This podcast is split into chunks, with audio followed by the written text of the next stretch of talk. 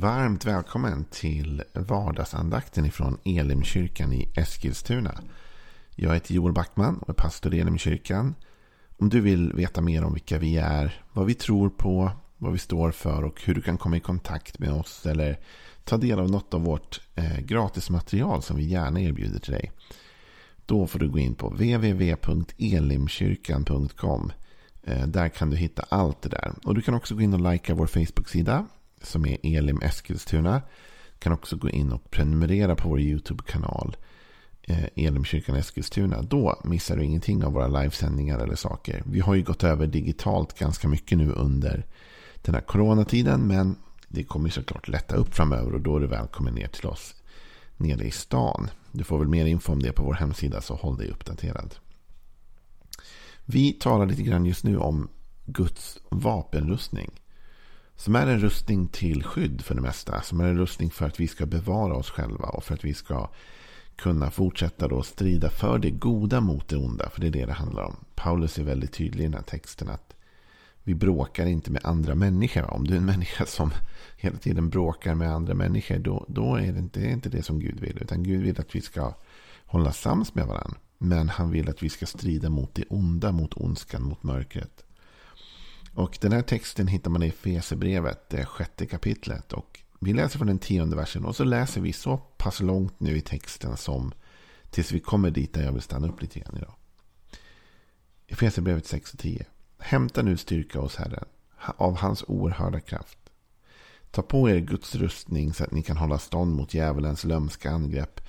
Ty det är inte mot varelser av kött och blod vi har att kämpa, utan mot härskarna, mot makterna, mot herrarna över denna mörkrets värld, mot ondskans andekrafter i himlarymderna. Ta därför på er Guds rustning så att ni kan göra motstånd på den onda dagen och stå upprätt efter att ha fullgjort allt. Stå alltså fasta. Spänn på er sanningen som bälte. Klä er i rättfärdighetens pansar. Sätt som skor på era fötter villigheten att gå ut med budskapet om fred. Håll ständigt trons sköld framför er.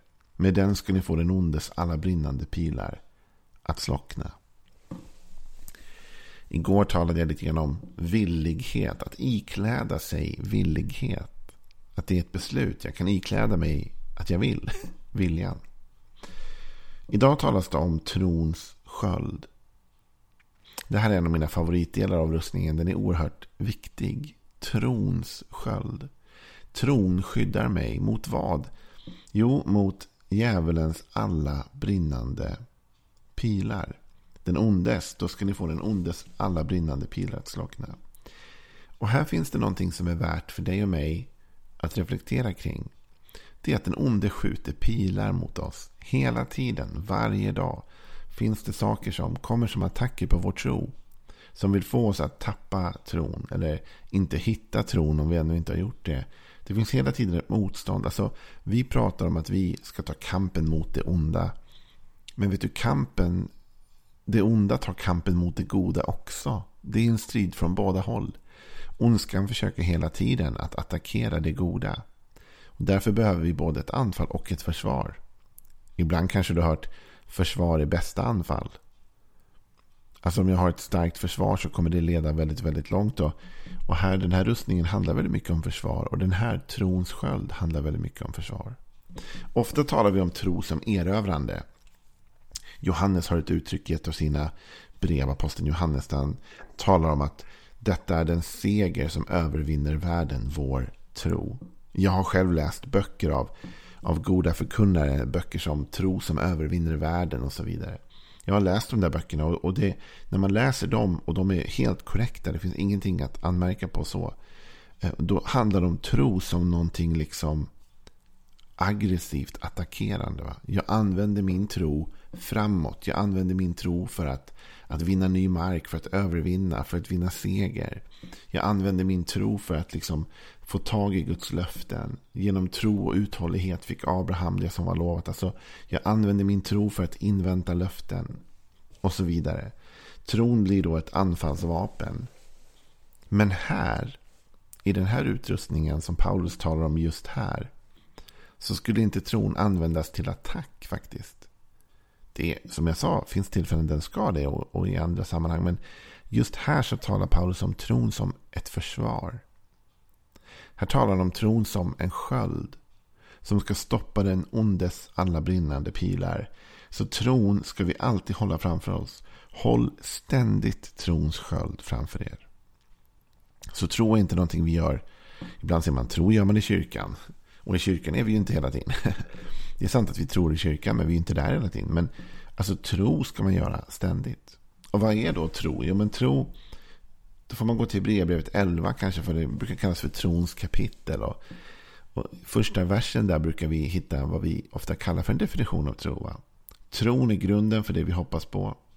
Den ger oss visshet om det vi inte kan se. Vissa engelska översättningar säger att, det, säger att den är beviset. The evidence of things not seen. Det är beviset på det vi inte kan se. Alltså jag tror, tro är enligt Bibeln inte en chansning. I det svenska språket har vi ju landat lite annorlunda vad det gäller tro. Va? Någon kanske säger så här, var det ikväll som det var eh, fotboll på tv? Ja, men jag tror det. Och det indikerar typ en osäkerhet. Eller, eh, var är bilnycklarna någonstans? Jag tror jag såg dem i köket. Vet du var jag har lagt mina glasögon? Jag tror jag såg dem i vardagsrummet någonstans. Och det blir liksom som en sån, jag är inte säker men jag anar att kanske tror jag, jag har för mig men jag är inte riktigt säker. Jag är inte så säker så jag kan säga ja utan jag tror det.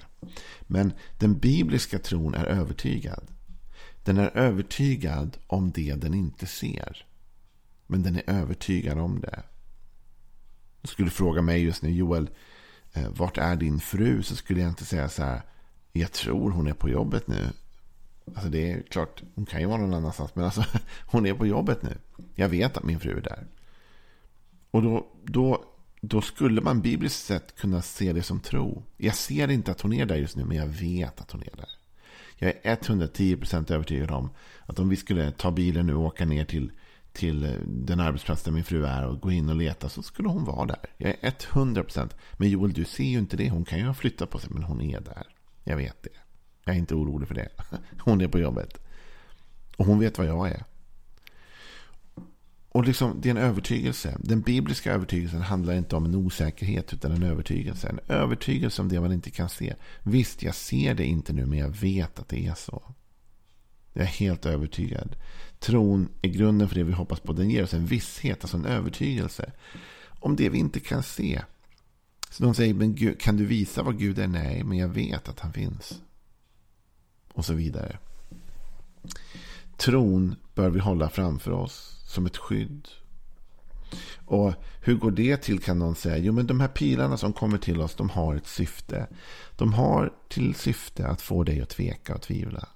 Att säga okej okay, jag är osäker nu, jag vet inte. Mm, var det verkligen så? Du vet djävulen kommer till Adam och Eva i Edens lustgård och ställer dem en fråga. Va? Det är en sån brinnande pil. Han säger till dem.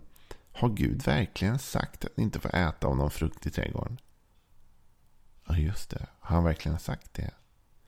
Alltså trons svar skulle i det läget säga. Ja, det har han sagt. Ja, men är du säker? Skrev du ner det? Nej, men jag vet vad han har sagt. Jag är övertygad. Jag kommer ihåg. Jag vet att det var så. Fastän han inte är här nu och säger det. Fast jag inte har det på papper. Jag har inga bevis för det. Men jag vet att det var så. Jag har tro på detta. Att våga stå i tro. Att våga säga jag vet att det är på ett visst sätt. Men också våga säga jag vet att det inte är på ett annat sätt. Petrus till exempel möter ju Jesus. va? Eh, och eh, Jesus, eller de är tillsammans hela tiden och, och Jesus undervisar sina lärjungar om vad som ska hända i framtiden. Och de har lite svårt att ta till sig det och, och tacka för det såklart. Det hade nog inte vi heller riktigt kunnat göra. Men i Matteus 16 och 21 så, så försöker Jesus förklara för dem och Petrus lägger sig i. Det står så här. Från den tiden började Jesus förklara för sina lärjungar att han måste bege sig till Jerusalem och lida mycket genom de äldste och översteprästerna och de skriftlärda och bli dödad och uppväckt på tredje dagen. Petrus tog honom då avsides och började förebrå honom och sa Må Gud bevara dig, Herre, något sånt ska aldrig hända dig. Men Jesus vände sig om och sa till Petrus, håll dig på din plats, Satan.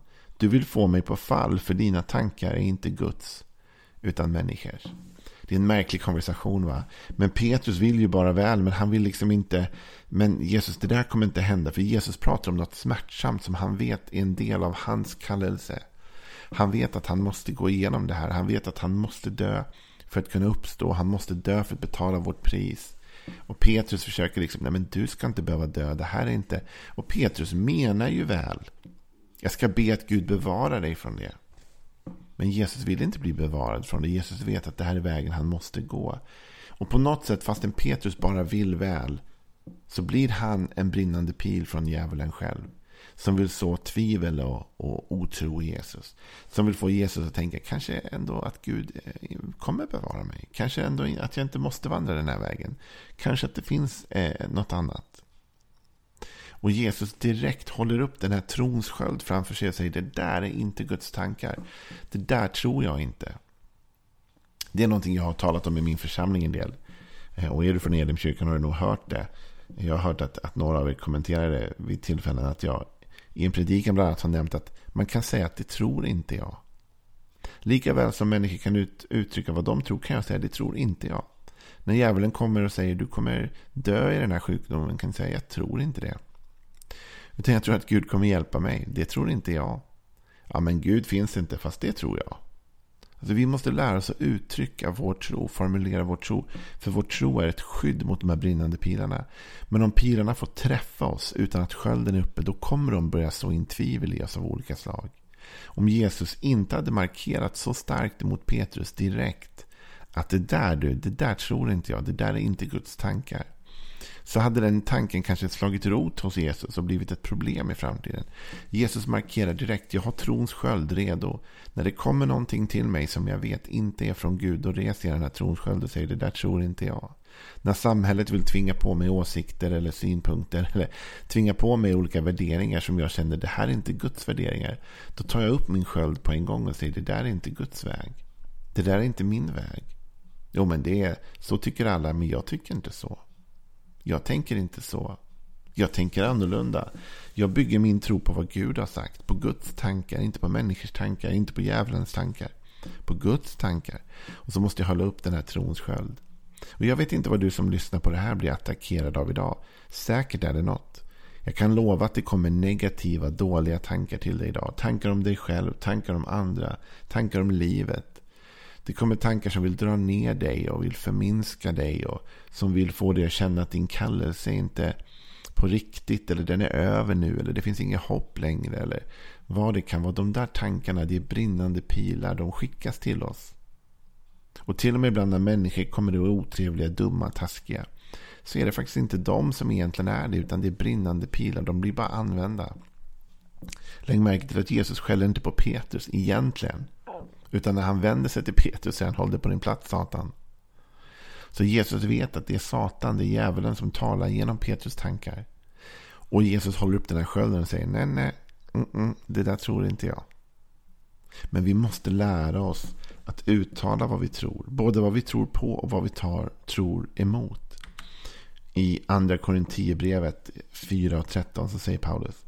Jag har samma trosvissa ande som i skriften där det står Jag tror, därför talar jag. Också jag tror och därför talar jag. Paulus säger att om man tror, då talar man. Om man tror så sätter man ord på det man tror. Och det blir skölden. Du vet att du verbalt kan uttrycka vad du tror är en sköld mot alla de tankar som vill få dig på annat håll. Att du också verbalt kan säga nej till det du vet att det där tror jag inte. Det är också en sköld. Så vi måste ha skölden uppe, vi måste tala det vi tror. Vi måste tala det vi inte tror. Eller markera mot det vi inte tror. När djävulens brinnande pilar kommer. Tänk inte bara att du är stark nog att bära de här pilarna. Tänk inte att du kan bli träffad av dem och det är inga problem, jag har så stark.